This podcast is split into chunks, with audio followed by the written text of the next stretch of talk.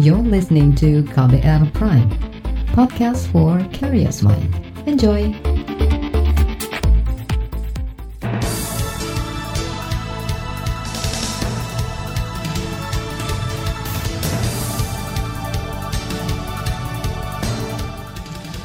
Selamat pagi saudara, senang sekali kami bisa menjumpai Anda kembali melalui program Buletin Pagi dari KBR untuk edisi Rabu 29 Juli 2020 bersama saya Agus Lukman.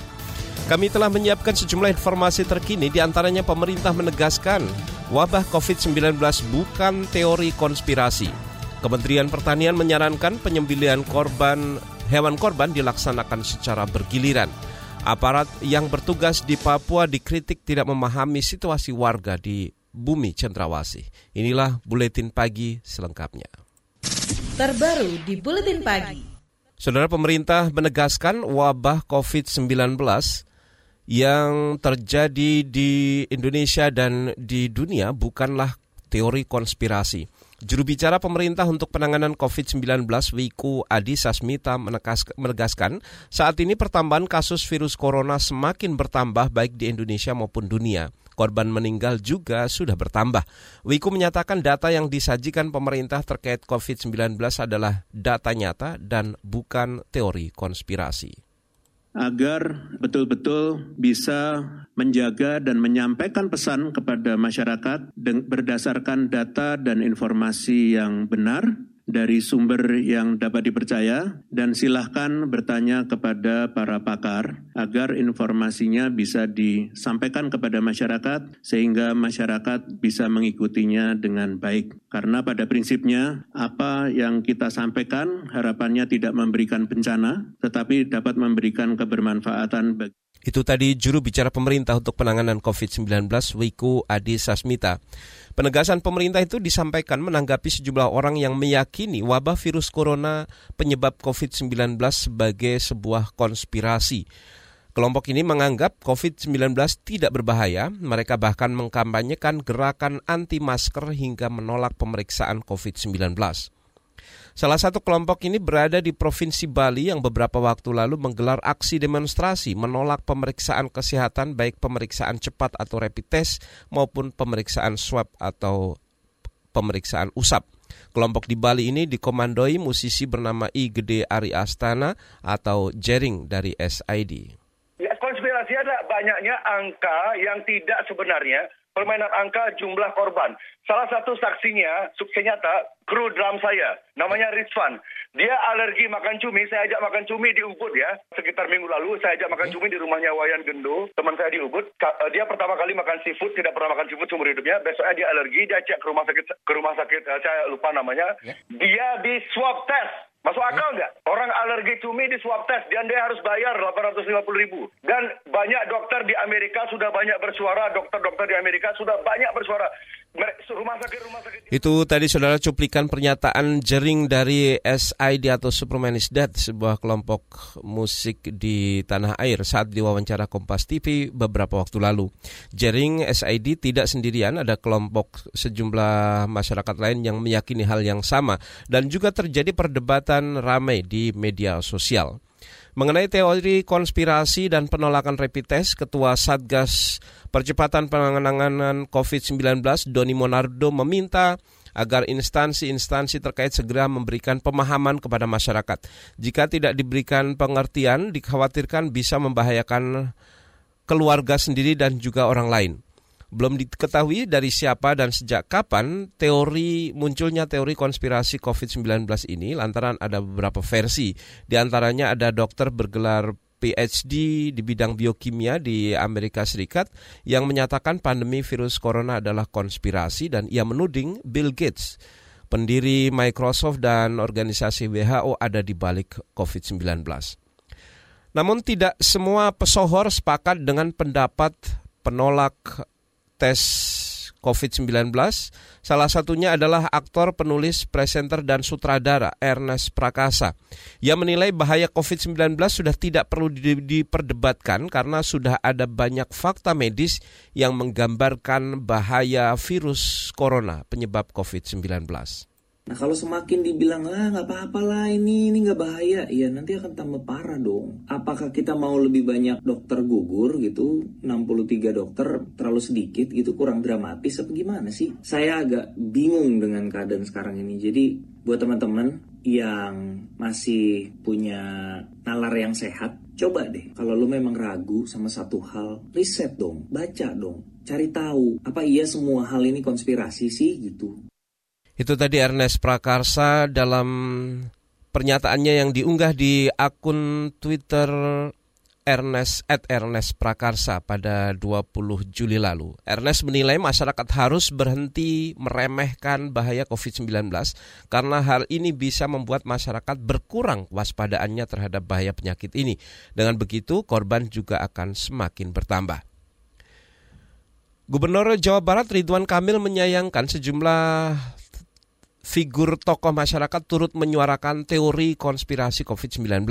Menurut Ridwan Kamil, ini akan menambah daftar masyarakat yang tidak mematuhi protokol pencegahan penyegaran virus, penyebaran virus corona seperti penggunaan masker secara umum tidak hanya di Jawa Barat saya monitor hampir di ya. seluruh Indonesia. Masih ada kelompok orang yang masih tidak percaya bahwa corona itu ada. Itu satu kelompok. Masih ada yang percaya corona atau virus ini uh, tidak mematikan dan lain sebagainya ya. Bahkan kita lihat kan pemusik-pemusik nasional ada juga yang melakukan statement-statement ya. Gubernur Jawa Barat Ridwan Kamil menilai teori konspirasi tentang COVID-19 membuat tim Satgas harus kerja lebih keras memberikan edukasi ke masyarakat.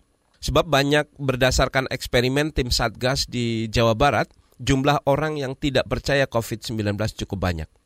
Hasil riset dari kata data pada awal Juli lalu menyebut ada sekitar 18 persen responden di Jakarta yang percaya bahwa virus corona ini sengaja dibuat oleh manusia. Dari survei yang ada, sekitar 24 persen lebih percaya influencer atau tokoh-tokoh yang ada di media sosial ketimbang dokter maupun pemerintah. Sementara itu, saudara ahli penyebaran penyakit menular atau epidemiolog dari Universitas Indonesia Pandu Riono menegaskan tidak ada seseorang, kelompok atau negara atau pihak mana pun yang sengaja merekayasa COVID-19 untuk kepentingan tertentu.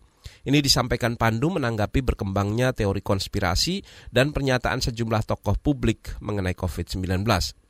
Pandu Riono mengatakan tokoh publik memang memiliki pengaruh tinggi dalam mempengaruhi cara pikir orang lain. Namun jika ada tokoh publik yang menggunakan popularitasnya untuk memberikan informasi yang salah dan mengajak atau menghasut masyarakat untuk keuntungan pribadi, maka ia mendesak agar aparat penegak hukum untuk bertindak. Sebenarnya kalau mereka mengalami sendiri atau mereka ke rumah sakit aja yang merawat COVID, mereka akan tahu bahwa masalah pandemi COVID itu real adanya dan banyak orang yang harus dirawat di rumah sakit dan sebagian mereka yang dirawat di rumah sakit itu meninggal. Jadi bukan jangan dianggap bahwa COVID itu pandemi ini adalah suatu rekayasa atau dibuat dibesar-besarkan gitu. Itu tadi ahli penyebaran penyakit atau epidemiolog dari Universitas Indonesia Pandu Riono. Saudara kasus positif COVID-19 di tanah air dalam 24 jam terakhir bertambah 1.700-an orang. Total kasus kini mencapai lebih dari 102 ribu orang. Satgas penanganan COVID-19 juga menyebut untuk kasus yang sembuh bertambah 2 ribuan pasien sehingga total sembuh mencapai 60 ribu orang lebih. Sedangkan pasien yang meninggal tercatat mencapai 4.900-an orang sejak kasus ini pertama muncul di Indonesia pada Maret lalu. Saudara penyembelihan korban di luar rumah pemotongan hewan harus mendapat izin lebih dulu. Informasi selengkapnya kami hadirkan sesaat lagi tetaplah di Buletin Pagi KBR. You're listening to KBR Pride, podcast for curious mind. Enjoy!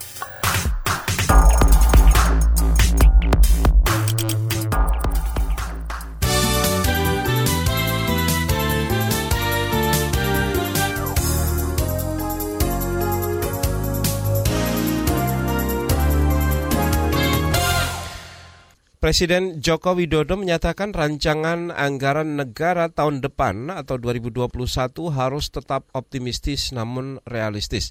Ia beralasan akan terdapat kebutuhan belanja untuk program prioritas dan juga dampak terhadap pelebaran defisit anggaran. Joko Widodo menyampaikan hal ini saat rapat terbatas rancangan postur APBN 2021 di Istana Bogor kemarin. Angka-angka indikator ekonomi makro harus betul-betul dikalkulasi dengan cermat, hati-hati, optimis, harus optimis tapi juga harus realistis dengan mempertimbangkan kondisi dan proyeksi terkini. Kita juga harus memastikan prioritas untuk 2021 dan juga pelebaran defisit untuk APBN 2021 yang difokuskan dalam rangka pembiayaan kegiatan percepatan pemulihan ekonomi Presiden Joko Widodo mengatakan program prioritas dari APBN 2021 akan ditujukan untuk mempercepat pemulihan ekonomi dan transformasi di berbagai sektor. Selain itu, belanja juga akan diarahkan untuk menstimulus program reformasi di bidang kesehatan, pangan, energi, pendidikan, dan juga digitalisasi. Jokowi berharap tahun depan ekonomi Indonesia bisa kembali pulih. Masih terkait dengan pemulihan ekonomi, Pemerintah tengah mengkaji permintaan Satgas untuk menambah jumlah bantuan sosial yang sudah berjalan sejauh ini untuk membantu masyarakat yang terdampak virus corona.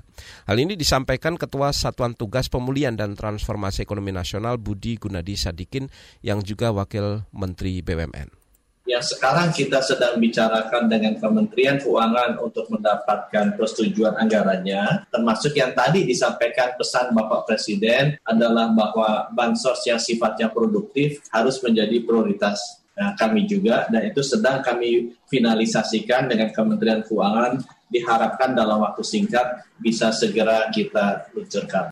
Ketua Satuan Tugas Pemulihan dan Transformasi Ekonomi Nasional Budi Gunadi Sadikin mengklaim penyaluran bantuan sosial saat ini sudah berjalan secara teratur dengan besaran realisasi Rp200.000 setiap bulan untuk tiap keluarga penerima.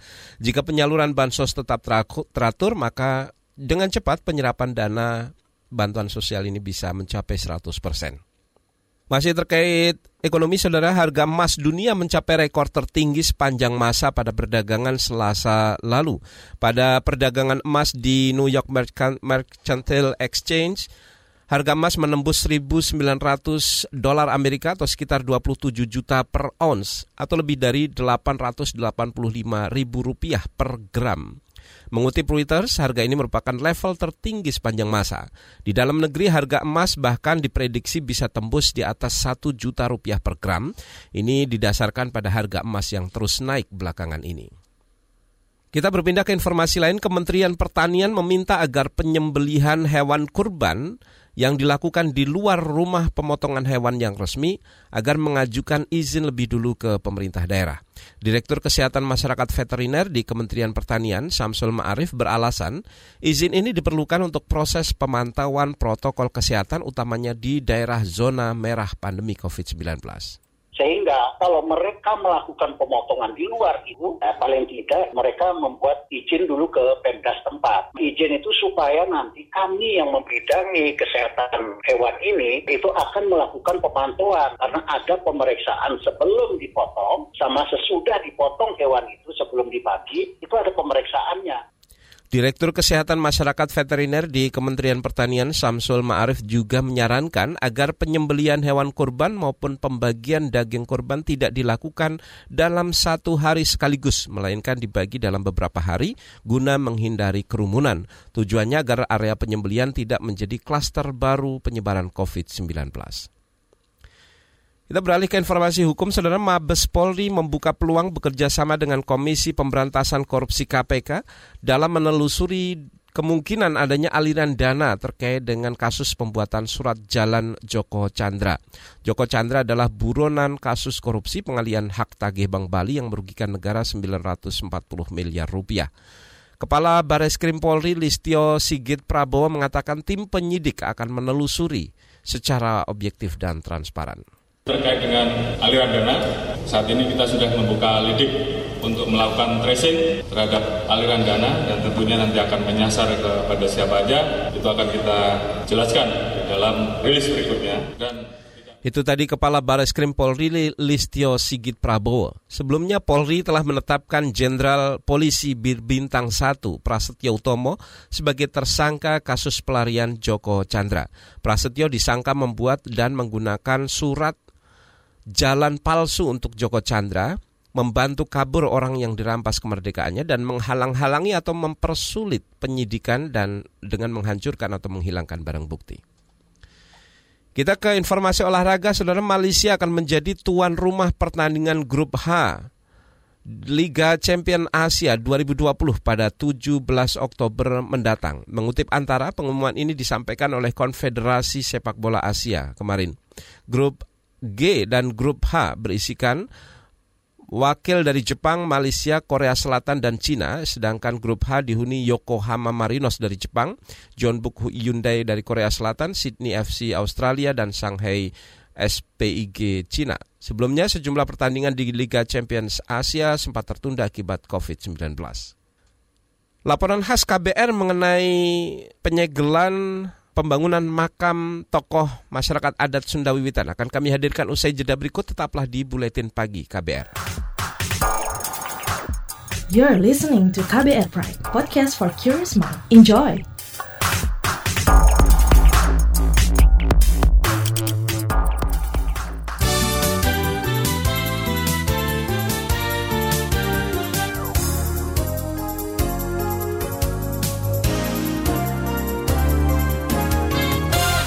Terima kasih Anda masih bersama kami di Buletin Pagi KBR. Saudara, gelombang diskriminasi kembali menghantam kelompok minoritas penghayat kepercayaan. Pembangunan makam sesepuh masyarakat adat Sunda Wiwitan di Kuningan, Jawa Barat disegel dengan dalih melanggar aturan. Tindakan ini mendapat kecaman dari berbagai kalangan sebagai bentuk pelanggaran hak asasi manusia. Berikut laporan tim KBR dibacakan Astri Yuwanasari. Girang Gamping atau toko masyarakat adat Sunda Wiwitan Oki Satrio Jati geram dengan sikap pemerintah Kabupaten Kuningan, Jawa Barat. Bangunan bakal makam sesepuh masyarakat Sunda Wiwitan disegel Satpol PP pada 20 Juli lalu. Pembangunan makam dilarang dengan dalih tak mengantongi izin mendirikan bangunan. Bagi Oki, alasan ini seperti akal-akalan, lantaran selama ini tidak ada regulasi rinci tentang pembangunan makam ya dipersulit. Mau meninggal aja kami bikin makam, mereka bilang harus ada IMB. Nggak ada peraturannya. Saya minta contoh, ya udah regulasinya mana? Contohnya yang ada makam IMB. Kami ikutin. Mereka bilang mereka tolak dengan alasan belum ada regulasi juklak juklisnya. Tanggal 14 Juli mereka kirim surat begitu. Terus kami tanya kan, lah terus kami punya IMB ini dari mana? Kalau kami ngurus kalian tolak. Kami minta contoh regulasinya, regulasinya belum ada. Ini kan mengada-ada. Pemkap Kuningan berkukuh bangunan makam harus mengantongi IMB karena masuk kategori bangunan bukan gedung berupa tugu. Hal ini diklaim termuat dalam Perda nomor 13 tahun 2019. Selain itu, ada kekhawatiran bangunan makam akan menjadi tempat pemujaan yang bertentangan dengan keyakinan agama arus utama. Oki membaca tindakan penyegelan sebagai bentuk diskriminasi bagi kelompok penghayat kepercayaan. Apalagi masyarakat Sunda Wiwitan keras menolak berbagai proyek pembangunan di sana yang merusak lingkungan dan wilayah adat kami melihat bahwa ini upaya pemerintah daerah mempreteli aset-aset adat. Karena kami selama ini masyarakat adat cukup keras dan vokal di saat terjadi pengerusakan wilayah hutan-hutan yang berfungsi sebagai wilayah resapan air. Nah, sementara mungkin Pemda berpikir investor masuk ya lebih ke seperti itulah. Jadi mereka melihat kami ini penghalang kami ini bukan aset. Tak tinggal diam, masyarakat Sunda Wiwitan telah mengadukan kasus ini ke Komnas HAM dan Ombudsman. Komisioner Komnas HAM BK Ulung Hapsara membenarkan telah menerima aduan itu dan sudah menindaklanjutinya. Ya, jadi eh, teman-teman komunitas Sunda Wiwitan sudah mengadu ke Komnas. Terus ya, kita sudah dan akan menindaklanjuti. Dalam pengertian sudah, kemarin kami berkirim surat kepada Bupati meminta keterangan dan klarifikasi tentang aduan Sunda Wiwitan. Kemudian juga meminta kepada Bupati untuk uh, menghentikan proses penyegelan atau pembongkaran tugu tersebut. Terus yang ketiga meminta supaya menjaga situasi uh, tetap kondusif gitu loh.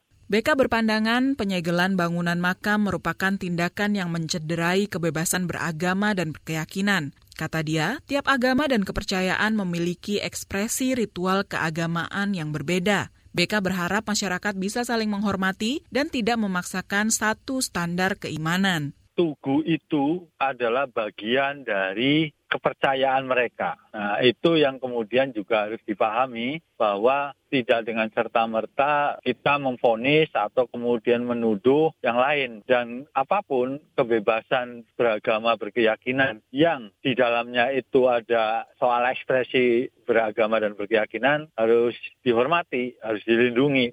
Nah, tugu itu adalah salah satu dari ekspresi itu. Kasus ini mengundang perhatian publik. Tak sedikit yang mendukung pembangunan kembali dilanjutkan lantaran aksi penyegelan berarti menodai nilai-nilai luhur keragaman budaya tanah air.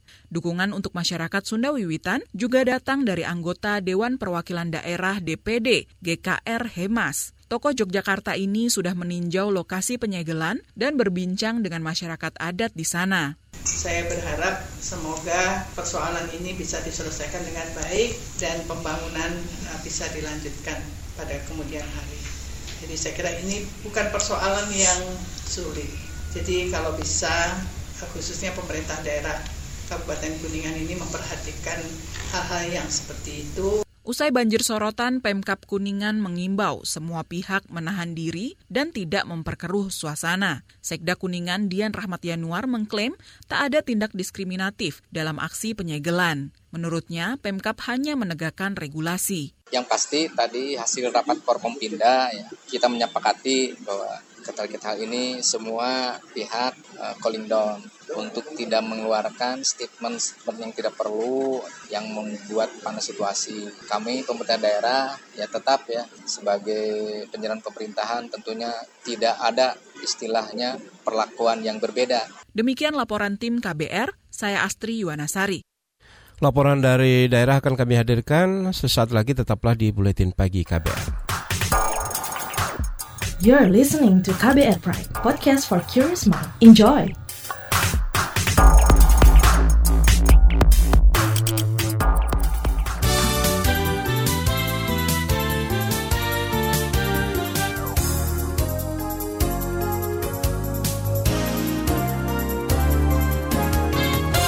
Kita berada di bagian akhir buletin pagi KBR, kita ke mancanegara sejenak. Saudara Perserikatan Bangsa-Bangsa PBB menyebut ada ratusan tahanan perempuan di Korea Utara mengalami penyiksaan dan pemerkosaan oleh aparat dan anggota kepolisian.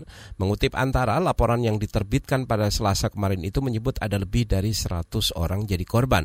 Mereka ditahan pada tahun 2009 hingga 2010 karena tertangkap saat kabur dari Korea Utara. Menurut salah seorang penyusun laporan dari PBB PBB, laporan itu dikeluarkan supaya Korea Utara memperbaiki kualitas penegakan hak asasi mereka. Kita ke dalam negeri, saudara Komisi Hak Asasi Manusia Komnas HAM Perwakilan Papua menilai aparat keamanan yang bertugas di wilayah itu tidak memahami situasi warga yang ada di bumi cendrawasih. Pernyataan itu disampaikan Kepala Kantor Komnas HAM Perwakilan Papua Fritz Ramade menyusul tewasnya Octavianus Warib Betre, seorang remaja berusia 16 tahun pada 24 Juli lalu. Warga itu ditewas diduga karena dianiaya anggota TNI.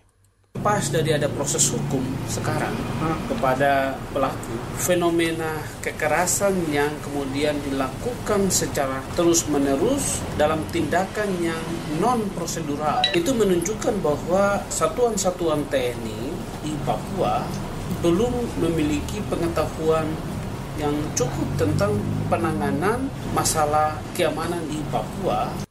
Kepala Kantor Komnas HAM Perwakilan Papua Fritz Ramade meminta aparat keamanan tidak selalu mengedepankan tindakan represif dalam menangani masyarakat, masalah di masyarakat, terutama oleh anggota Polri atau TNI dari luar daerah yang diperbantukan ke Papua. Komnas HAM Perwakilan Papua akan membentuk tim investigasi untuk menyelidiki kasus tewasnya remaja berusia 16 tahun ini. Kita ke Jawa Barat, saudara. Koalisi masyarakat yang mendukung masyarakat adat Karuhun Urang Sundawiwitan mengecam penyegelan bakal pesarian sesepuh Sundawiwitan oleh bupati setempat. Anggota koalisi Muhammad Isnur menyebut tindakan penyegelan itu mengabaikan perlindungan hak asasi manusia. Ia mengatakan konstitusi melindungi me, memenuhi penegakan hak masyarakat adat. Ini kok kita melihat bagaimana pemerintah mengutip keterangan ormas dan bukan hanya bukan hanya apa namanya bukan hanya bupati tapi juga DPRD. Dalam surat undangannya kita melihat bagaimana satu ormas tertentu itu diutamakan diundang dan menjadi pihak yang semacam tanda kutip dapat forum khusus untuk didengarkan pendapatnya gitu. Itu itu tadi anggota koalisi pendukung masyarakat adat Karuhun Urang Sundawiwitan Muhammad Isnur. Sebelumnya saudara pemerintah Kabupaten Kuningan Jawa Barat menyegel pembangunan makam tokoh Sundawiwitan di desa Cisantana, Kecamatan Cigugur, Kuningan, karena dianggap tidak memiliki izin mendirikan bangunan dan dikhawatirkan menjadi tempat pemujaan. Saudara informasi tadi menutup jumpa kita di Buletin Pagi hari ini. Pantau terus informasi terbaru melalui kabar baru melalui situs kbr.id, Twitter at berita KBR, serta podcast di alamat kbrprime.id. Akhirnya saya Agus Lukman undur diri. Salam.